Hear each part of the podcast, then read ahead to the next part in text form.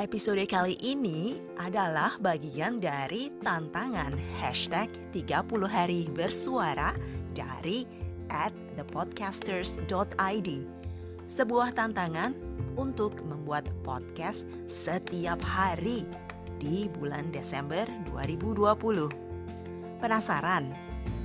Yuk ikuti dan dengarkan podcast Has To.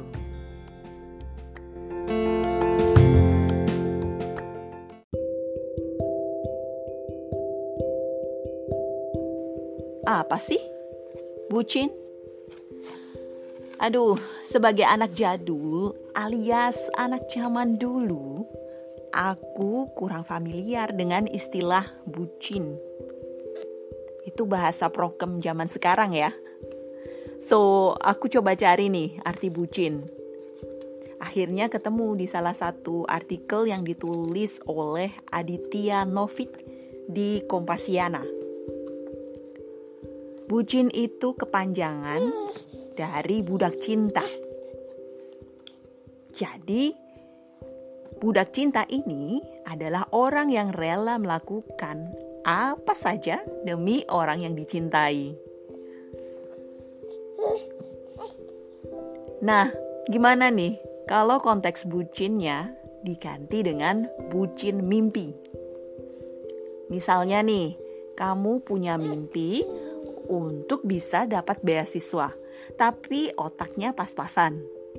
Nah, tentu saja harus bekerja ekstra keras kan ya? Menghabiskan waktu dan kadang uang atau rela nggak bertemu teman untuk belajar untuk bisa mencapai standar beasiswa tersebut.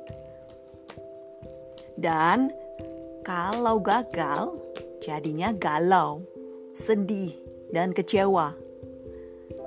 Tapi tetap saja kamu ingin berjuang lagi untuk mendapatkan mimpi itu. Entah berapa lama, gagal, gagal, dan gagal. Nah, pengorbanan waktu dan uang memang tak tergantikan. Apakah ada pelajaran dari bucin dalam konteks mimpi ini?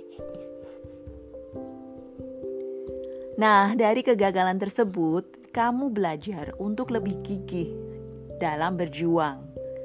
Selain itu, menjadi lebih aware atau mawas diri dan lebih baik lagi dalam merencanakan sesuatu.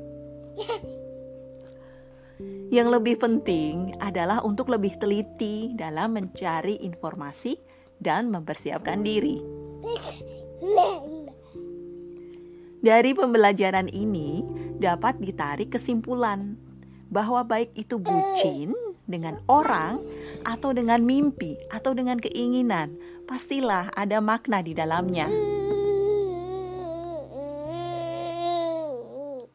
Membuat diri ini lebih dewasa dan mengerti kalau semua akan indah pada waktunya.